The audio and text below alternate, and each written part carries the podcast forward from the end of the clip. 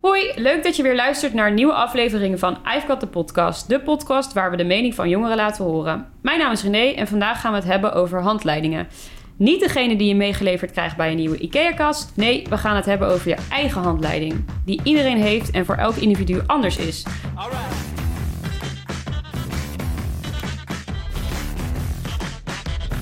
Dat stukje ongeschreven papier waarop precies staat op welke manier jij nou het beste functioneert.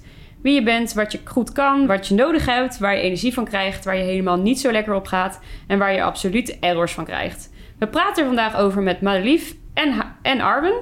En natuurlijk mijn co-host Anne-Jan. Eh Arwen, jij bent vandaag eh, nieuw in de podcast. Ja, Ehm, vers van de pers. vers van de pers. Ja, stel je even voor. Eh, Arwen, 18 jaar, zit STGS. Ja, ik hou van lezen. Waar ken je ons van? Waar, hoe ben je bij de kleine Ehm, Amsterdam? van de GSA op onze school, die hebben wij. Eh, daardoor zijn we eigenlijk hiermee in contact gekomen.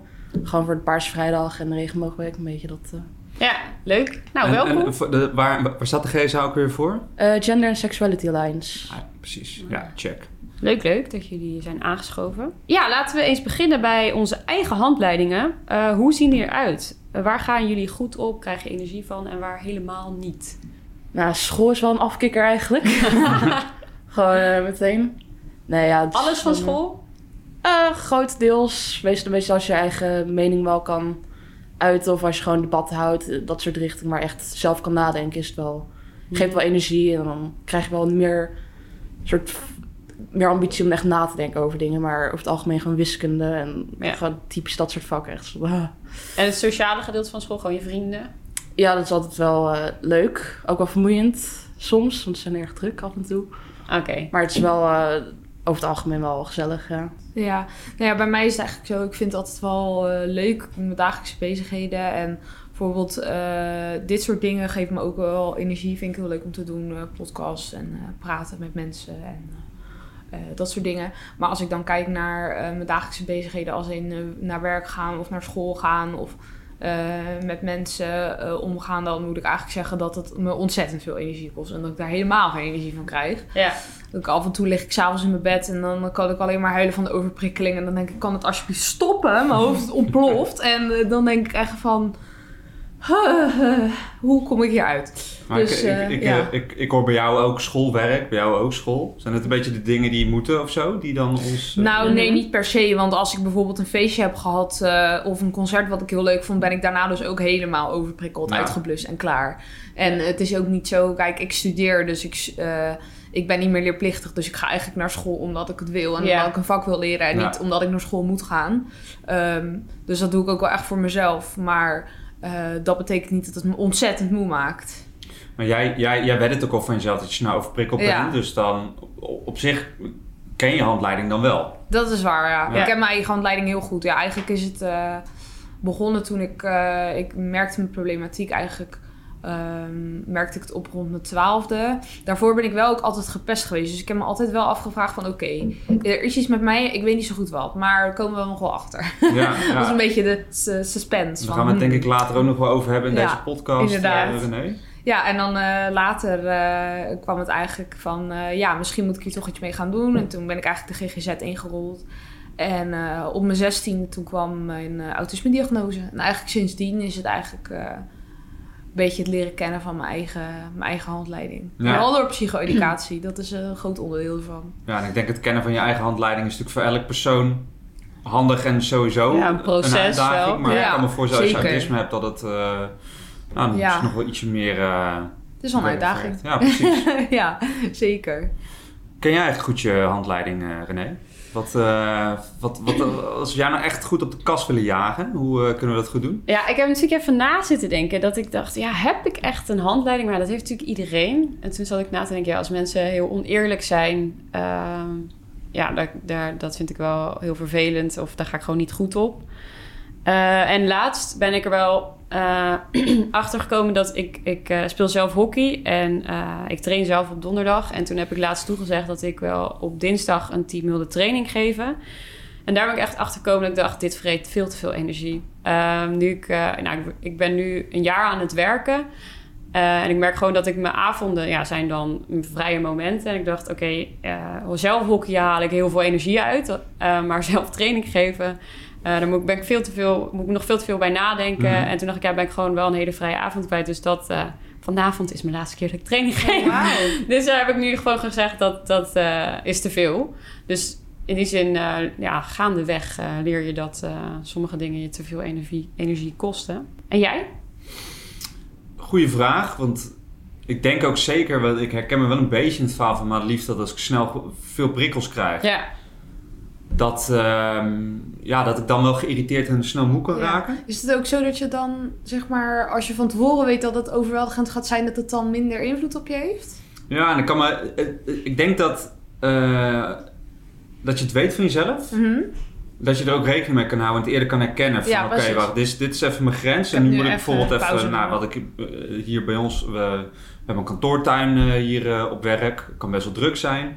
Eh zet ik gewoon even mijn koptelefoon op met rustige muziek en dat werkt voor mij. Ja. Ja. En dan zit, zit je dus weer meer aan de kant van, ja, eh, dat, dan ken ik mijn eigen handleiding goed en weet ik ook hoe ik ermee om moet gaan. ja. Maar ik denk dat dat voor ehm, veel mensen, ook zeker jonge mensen, eh, echt een ontdekking moet zijn ook. Dus dat Want Arwen, ken jij je handleiding een beetje? Ja, een beetje. Ik weet wat, eh, wat ze maar overprikkelt dan in dat opzicht. Ehm, maar ik ben ook niet dat ik echt uit de weg ga voor dingen die me dan misschien zouden overprikkelen. Zeg maar, het is wel een soort uitdaging aangaan om daar meer... Ja. Ja. dat je gewoon meer aan kan of meer plezierdingen uit, haalt uit dingen die je niet eerder hebt meegemaakt. Het is echt dat je, als je, dat je jonger bent, dat je echt dingen gaat ontdekken eigenlijk. Ja, Ja, en dan gaandeweg leer je... ja precies. Ja, ja. Is het belangrijk eigenlijk dat je, ehm, volgens jullie, dat je, dat je je handleiding kent? Het lijkt me ongelooflijk belangrijk. Ja. Ja, want ik, ik merk ook bijvoorbeeld... Als ik kijk naar hoe ik was voordat ik wist dat ik autisme was... was ik eigenlijk de hele dag bezig met waarom lukt dit mij niet? Ongelooflijk veel frustratie en boosheid en verdriet... en eh, onbegrip vanuit mijn omgeving en vanuit mezelf. En dat ik gewoon niet wist van... waar komt dit nou allemaal vandaan? En toen ik dat wel wist... toen ik kon, kon ik beginnen met een, met een acceptatieproces... en als, toen ik daar doorheen was, dacht ik: oké, dus dit is het. En nu weet ik ook wat ik wel en niet kan. En wat andere mensen dus ook wel en niet van mij kunnen verwachten. En dan ben je wel, zeg maar, een veel eerlijker mens met veel, zeg maar, hoe zeg je dat? Dat je gewoon jezelf wat beter in de, in de wereld kan zetten. Omdat je gewoon weet wat je wel en niet kunt. En wat je wel en niet wil. Ja. Ja. En als je dat niet weet, dan val je eigenlijk in een soort gat van... eh, ja, ik heb nu geen controle meer. ik ben helemaal de weg kwijt. Ik weet, niet, ik, ik weet niet of ik dit wel kan, of ik dit wel moet doen. En eh, ben, vind, vindt de ander dat dan wel weer oké? En eh, wordt het allemaal super ingewikkeld. Dus ik denk, ja, het kost natuurlijk wel heel veel moeite om jezelf op zo'n manier te leren kennen. Maar ik denk wel dat het iets heel waardevols kan zijn. ja. Ja. En, en zijn er, hebben jullie het idee dat, van, dat jullie de handleiding van jullie eh, vrienden bijvoorbeeld heel goed kennen? Ja, redelijk. Niet eh, van, niet van alle vrienden. Dan weet je, soms dan let ik op, niet op. En dan ben ik van, oh, nu begrijp ik wat meer waar je wel niet tegen kan. En probeer ik er wel rekening mee te houden. Ja. Ehm, ik probeer ze wel redelijk gewoon... Nou, het observeren klinkt dan meer als een soort objectief bekijkt. maar ik bedoel meer in de manier van, ik hoop vooral gewoon rekening met ze te houden. En dan ze houden ook rekening met mij. Dus we leren elkaar op die manier wel goed kennen. ja. En ehm, hoe, twee vragen heb ik. Hoe, eh, allereerst, hoe kom je achter nou, je eigen handleiding en wat, ja, hoe jij in elkaar steekt en moet je dat helemaal zelf doen?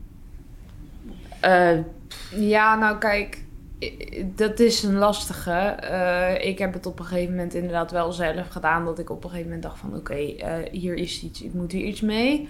Ehm, het kan natuurlijk ook zijn dat andere mensen het signaleren eh, Mhm. als je wat jonger bent. Daarom heeft het bij mij ook wat langer Ja, geduurd.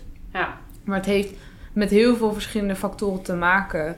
Ehm, bijvoorbeeld ook als je kijkt naar de gezondheidszorg, dat eh, bijvoorbeeld de testen voor eh, autisme, maar voor alles eigenlijk in de medische wereld is allemaal gebaseerd op mannen. Dus de testen die ik heb gedaan op mijn zestiende, eh die kwamen allemaal negatief uit. Dus toen zijn de hoogleraren gaan kibbelen met mijn psychologen van ze heeft het wel, Ja, ze heeft het niet.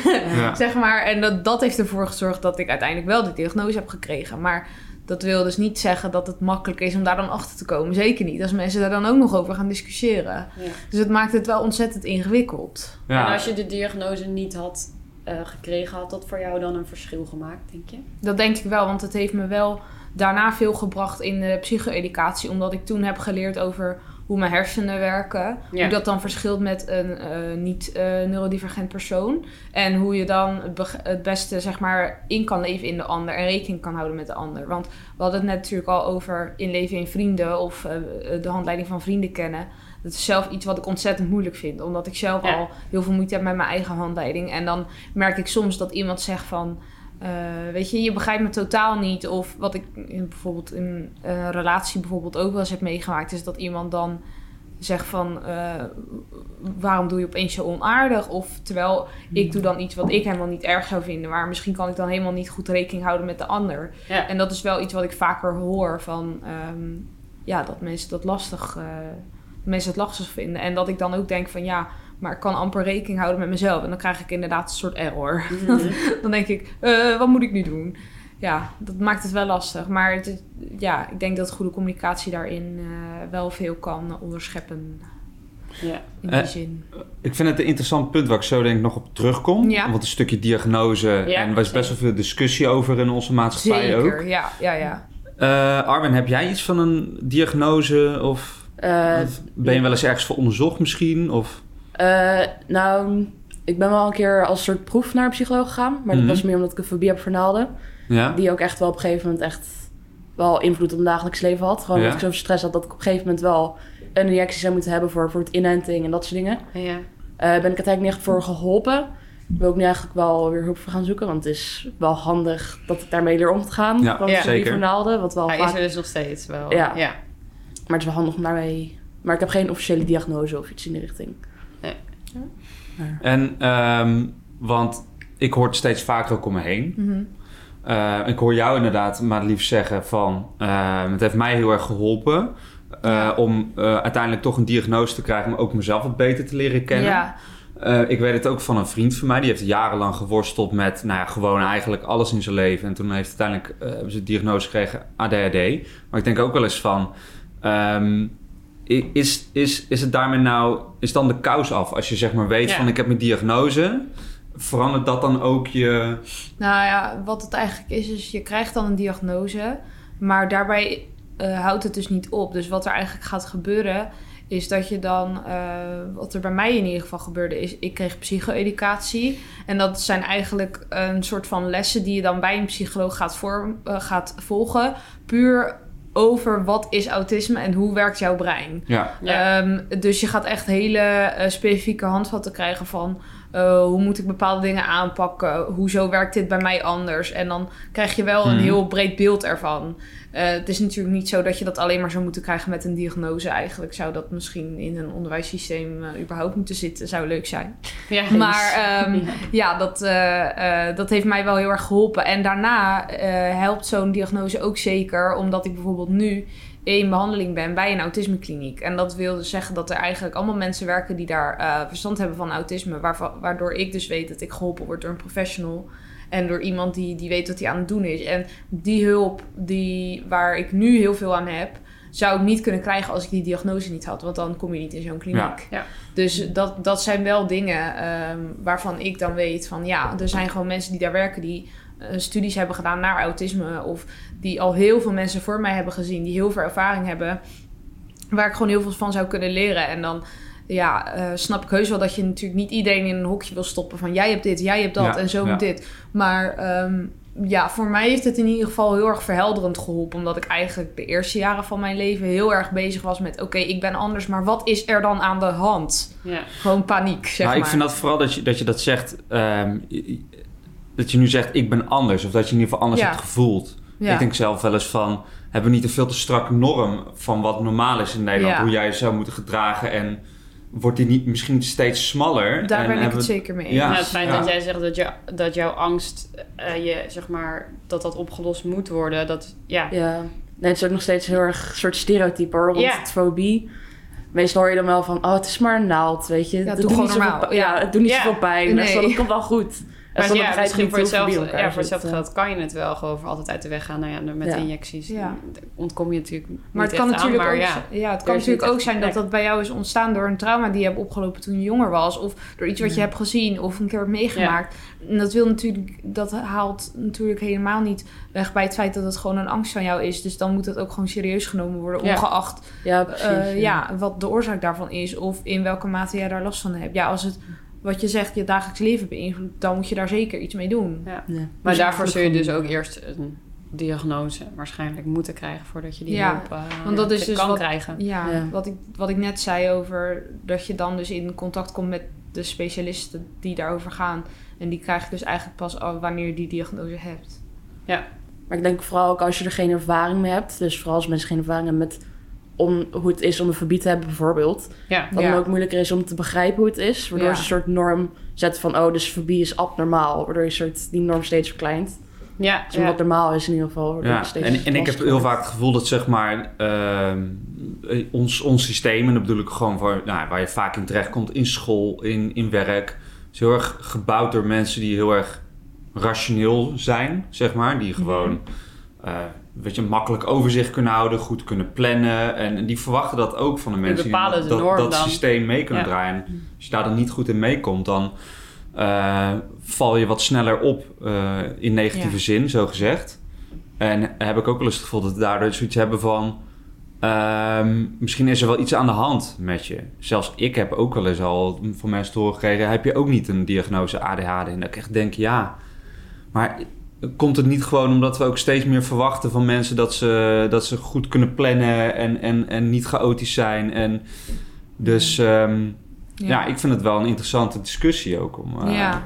Nou ja, kijk, ik zou vooral ehm, willen oproepen tot onderzoek wanneer je merkt dat het je dagelijks leven eh, op een negatieve manier gaat beïnvloeden. Kijk, stel je voor, eh, jij hebt misschien ADHD, en, eh, maar je kan prima functioneren.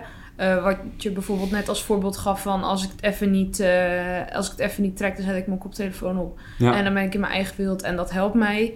En ehm, verder kan ik eigenlijk eh, prima mijn dagelijkse dingen doen. Dan heb je inderdaad die diagnose helemaal niet nodig. Ja. Ik heb ook Nee. zo'n vriendin die eigenlijk wel weet dat ze ADHD heeft, maar ze heeft er zelf geen last van. Nou, door de omgeving ook niet zo dusdanig Nee. dat ze... En zij heeft heel bewust die diagnose niet genomen, omdat eh, het- nou, de, de diagnose ADHD ook heel vaak weer...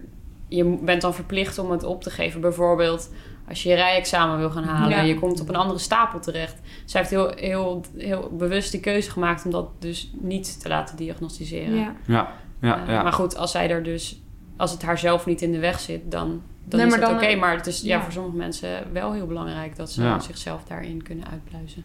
ja. We gaan eventjes eh, naar, een, naar de luchtige, snelle ronde. De leuke opmaat naar de, de echte inhoud. Ja, voor zover ja. we daar nog niet aan eh, begonnen, waren. Ja. Nou, zeker wel, ja. Echt hè? Eh, nou, jullie mogen straks eh, an- ja, antwoorden waar- waarvan jullie denken dat het meer bij jou past. Ehm, na een drukke werkweek in je eentje wandelen in het bos of met heel veel mensen los op een feestje? Ik neem aan dat... Ik, ik zou liever wandelen in een bos dan echt... eh, Ja, ik eh, kan ook wel genieten van een wandeling in het bos, maar een feestje op zijn tijd kan ook geen kwaad. Maar als ik kijk op een wekelijkse basis, zou ik liever zes keer wandelen en één keer naar een feestje gaan. ja. dat, Ja. dat, zou, dat is een goede balans. Denk ik. balans. Eh, liever samen met je studiegenoten alle krachten bundelen en samenwerken aan een opdracht of in je eentje vlammen? In mijn eentje. Dan weet ik waar ik op kan Ehm, rekenen. Nou, ik kan niet echt heel goed samen met mensen werken. Maar alleen kan mezelf ook nog niet eh, disciplineren om echt ergens toe te zetten. Maar ik moet kiezen. Ja. Hmm. ik denk liever samen met mensen krachten bundelen. En, eh, en jij René, ben ik ook wel benieuwd naar. Ehm, ja, samenwerken. Oké, toch wat verschil hier aan Ja, tafel. ja. Zo leren we elkaar ook een beetje kennen. Precies. Eh, een surprise party met een onbekend programma of een feestje met een programma dat van tevoren op de minuut met je besproken is. Dat lijkt me voor mij heel duidelijk. Ja, ja, ja. ja. Ik hou van structuur en schema's en alles. Dus liever, eh, eh, geef mij dan maar... geen eh, verrassingen. nee, geen verrassingen. Ik, ik hou niet zo van verrassingen. Ook al vind ik het wel leuk als iemand bijvoorbeeld mij verrast met iets. Maar ehm, eh, wat ik zei, een feestje is voor mij eigenlijk alleen maar leuk als ik van tevoren weet dat het gaat gebeuren. Want dan kan ik me op voorbereiden. En dan weet ik ook dat ik daarna helemaal kapot ben. Dat past niet zo goed duidelijk, bij mij. duidelijk verhaal. ja. Ja, ik zou ook gestructureerd eh, feestje. Ik vind een soort improv feestje vind ik veel te chaotisch. eh, kan ik echt niet tegen. Ja, nee. inderdaad. Ja, Ja, te veel dit- mensen rondlopen, geluid. Ik vind surprise party superleuk. Dus in Ja? deze, ja, dit is misschien toch een uitzondering op mijn behoefte aan structuur. Surprise parties kan ik heel erg van genieten. Oké. Nou, Als je, als je ze geeft of als je ze krijgt? Allebei. Wauw. Ja. Ja. ja, geven is kan ook nog best wel eh, chaos Ja, ja. zijn hoor. Nou, nogal ja. Maar ik heb, ehm, ik heb in juni heb ik een, eh, hoe noemen we dat ook weer, zo'n uh, vrijgezellenfeest. Ja, Mhm. dat is ook altijd... eh, Nou, toen werd ik van mijn bed gelicht. Dat was even een eh, surprise party. Nou, ik vond het superleuk. Ik vond het echt superleuk. Kijk, maar de- ja, Ja. niks dat is voor jullie dan. Ja, ja, ja. Ja. De laatste. Het liefst alles strak opgeruimd of liever wat meer chaos slash rommel? Nou, doe mij maar lekker strak opgeruimd. Ik weet dat sommige mensen, mensen goed gaan op chaos en Ja, een rommel, soort maar georganiseerde chaos hebben zij ik, dan. ik, ik, kan, ik kan me daar niet zo goed in verplaatsen. Maar that's fine. Ik, ik laat de ander in zijn waarde, maar het is niks voor mij. ja. Nee, ik ben ook strak opgeruimd. In ieder geval, ik denk altijd dat ik echt een rommel overal heb. Maar anderen zeggen echt dat ik echt Ja. heel strak en alles echt precies op plek heb. Dus Nou, dan komt er bijvoorbeeld bij mij iemand langs, heb ik mijn was nog niet opgehouden. En dan zeg ik, sorry, het is echt een rommel. En dan, Ja. eh, er ligt alleen was. Ja. Ja, Er ligt bijvoorbeeld op de niks. middelbare school eh, de verschillen in de inrichting van kluisjes. Ja, oh Eh, ja, nou, bij mij was dat heel duidelijk, maar ik had vriendinnen die echt... eh Gewoon zo erin gooien, dicht, klaar. klaar. Ja. Ja. En jij, Anne-Jan? eh? Nou, ik, eh, ik, heb, ik heb toch... eh, ik weet dat het niet goed voor me is. Maar een beetje chaos vind ik wel lekker. Een rommel in huis. Ja? als je erin ja, kan ja. werken, ja. Echt ja, waar? ik- nou, Wow. dat, dat, is dus, dat is dus dubbele. Ik weet dat het niet goed voor me is. Ah. Maar ik vind het tegelijkertijd ook iets gezelligs, Laat iets de boel fijns. de en, boel. eh, ja, Ja. gewoon de boel de boel laten. Ja. Dus, eh, Wanneer gaat het dan te ver? ehm, het gaat te ver als ik mijn spullen niet meer kan vinden. Ja, en dat, dat gaat best wel snel. Ja. Ik wou net zeggen, Ja. dat escaleert best wel Ja, snel ja, hoor. ja. Ja. Ah, ik denk dat René van eh, die is strak eh, opgeruimd. Ja, ik ben wel van Ja, het opruimen. Ja, ja, ja, ja. Mijn moeder hoeft ook nooit eh, te vragen of ik mijn kamer wilde opruimen. Dat was Nee. altijd geregeld. Ja, grappig is dat. Nou, ieder zo zijn eigen ding. Nou ja, weet je, als ik jullie eh, zo hoor, weet je, dan hebben jullie allebei best wel behoefte aan een structuur en een stukje duidelijkheid. Maar ja, je hebt er ook niet altijd controle op. Nee. Ehm, zeker niet als je bijvoorbeeld eh, op school komt of op je werk. Of eh, nou ja, je moet gedwongen gaan samenwerken met andere personen. Wie moet zich nou aan wie aanpassen? Stel, jij komt, Armin, je komt in een projectgroep vol met chaotische mensen. Die gaan maar wat doen. Ja, moet, moet jij daar dan een beetje mee? Of, ehm, Nou, dat wordt lastig. Nee, ik, ik kan op zich wel aanpassen als het moet. Weet je, als ze zeggen van chaotisch. ja. Ik wil er wel weten wat ze gaan doen. Niet dat ze gewoon improviseren. Ergens van, oké, dat ze gewoon ergens in het document gaan typen... en dan dat jij uitzoekt wat je gaat doen. Maar in principe kan je altijd wel een soort compenseren met elkaar... om te kijken wat nou werkt en wat niet werkt. Precies. Ja. Dus inderdaad dat compenseren. Dus dan Mhm. eh, eigenlijk vanuit beide, beide partijen gewoon bijvoorbeeld eh, als het niet lekker loopt op je werk of op school, dat je dan eh, eigenlijk gaat zitten met, eh, met de mensen die daar iets mee kunnen en dan eh, gaat kijken van oké, waar heb je behoefte aan hoe kunnen we ervoor zorgen dat eh, beide partijen weer happy worden. Ja. Ja. Maar moet dan, moet dan moet bijvoorbeeld aan het begin van een, van een samenwerkingsproject, moet iedereen dan eerst.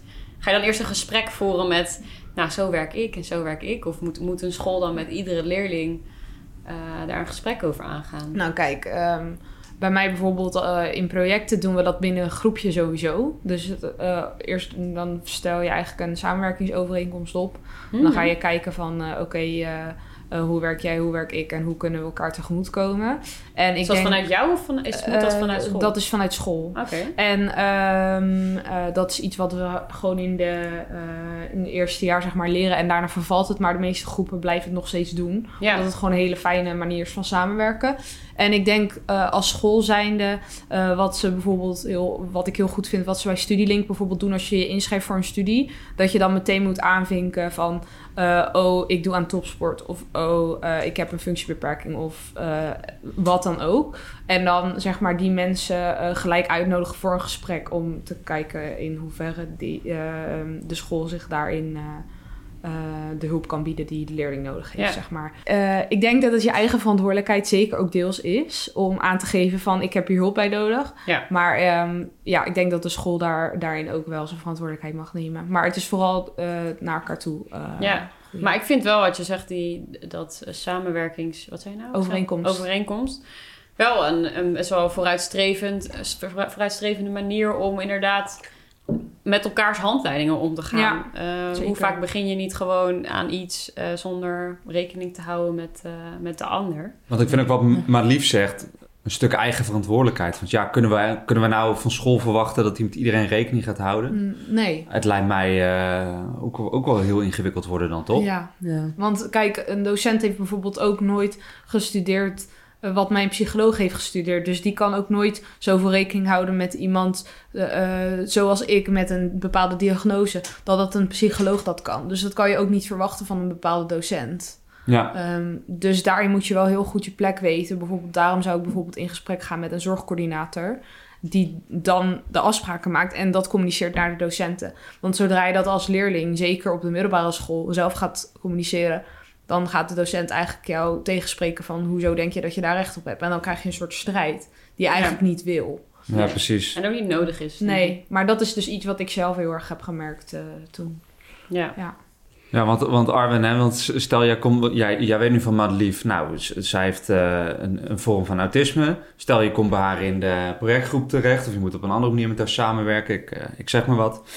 Ehm, denk je dan van, oké, dan heb ik voldoende kennis om, eh, om daar een houding te- tegenover te stellen? Of, Ehm, niet per se, want autisme is volgens mij ook gewoon een spectrum. Dus het is niet dat Iedereen is Nee, dus ook anders. En dat Ja. maakt het voor docenten natuurlijk ook zo lastig. Want Precies. bijvoorbeeld, misschien had, het- had een docent wel vorig jaar een jongen in de klas die een eh ASS-diagnose had. Maar dan eh, krijgen ze het jaar daarna mij en dan is het weer heel anders. Ja. Dus dat maakt het inderdaad heel lastig om, om je daar soort van op voor te bereiden. Het, het gaat ook heel erg om het leren kennen van het individu, wat je ook, eh, wat je ook net zei. Ja. Ja. Ik zou Maar heb jij behoefte aan dan een soort van meer kennis daarover? Of hoe, hoe zou dat voor jou dan... Van autisme? Ja, of nou, als je, als je dus in zo'n samenwerkingsgroep zou zitten. Nou, of ik- überhaupt iemand anders leren kennen. sowieso ook misschien kennis inderdaad over de ander, ja. Ja. Ja, De- heb, je- heb je genoeg handvatten om dat, om, om dat gesprek ook, ook aan te kunnen gaan, denk je? Ja, ik denk het wel. Ik denk dat als die ander ook gewoon open is voor een gesprek, dat het echt wel prima kan, weet je. En door elkaar te leren kennen is het ook wel veel makkelijker om te kunnen samenwerken. Ja. Ja. Ehm, ik denk niet echt per se dat daar een diagnose voor nodig is. Dus Nee. zelfs met ADD of autisme is het gewoon iedereen verschilt. En ik Ja. denk niet dat je bepaalde, door een bepaalde sticker op iemand te plakken, dat je dan weet van, oh, die gaat zich zo gedragen. Precies, ja. Nee, precies. In, een, in een sociale omgeving is dat natuurlijk veel minder ehm, eh, nodig dan in een eh, medische omgeving. Ja. Nee, ja, maar als ik met iemand samen moet werken en het loopt niet lekker, dan zeg ik, ik zit niet lekker in mijn vel, of ik ben overprikkeld, of ik ben moe. En dan heeft iedereen daar ook begrip voor. Ja. Dus eigenlijk wat jullie zeggen is dat eh, je hoeft het niet direct tegen iemand te zeggen. Dit Nee. is mijn handleiding. Maar dat, dat, is, dat is meer een inschatting vanuit degene die... Ja. die Maar probeer wel eerlijk te blijven. Ja, Ja. Communicatie is gewoon heel belangrijk. ja, Vooral nu in de digitale wereld ja. is het toch wel ja. belangrijk om gewoon te communiceren. Ja. Hoe moeilijk het ook soms is, is misschien Ja. wel handiger. En ook denk ik gewoon openstaan voor dat gesprek. En Ja, eh, ja, elkaar accepteren in, eh, in anders zijn. Mooie afsluiter misschien Wauw. wel. Ja. Ehm, ja, hebben jullie nog een muziektip die hier dan eh, bij dit thema past? Ja, nee, ik buiten wel goeder. Vooral met jezelf zijn is Lady Gaga natuurlijk wel een bekend voorbeeld. Zeker, Dus misschien ja. Born This Way. Misschien wel een leuke. Nou, Lijkt me een uitstekende. dat lijkt me ja. een uitstekende. Ja, hij past er heel goed bij. Ja, perfect. Zeker. Mooi. Eh, nou, dan wil ik eh, alle luisteraars weer bedanken dat jullie eh, naar de podcast hebben geluisterd. Wil je zelf een keer meedoen? DM ons dan vooral of heb je een leuk thema? Mag je dat zeker ook insturen. En vergeet ons niet te volgen op Instagram We've Got The Power en op Spotify I've Got The Podcast. En hopelijk luisteren jullie de volgende keer weer. Lijkt me gezellig. Doei! doei. doei.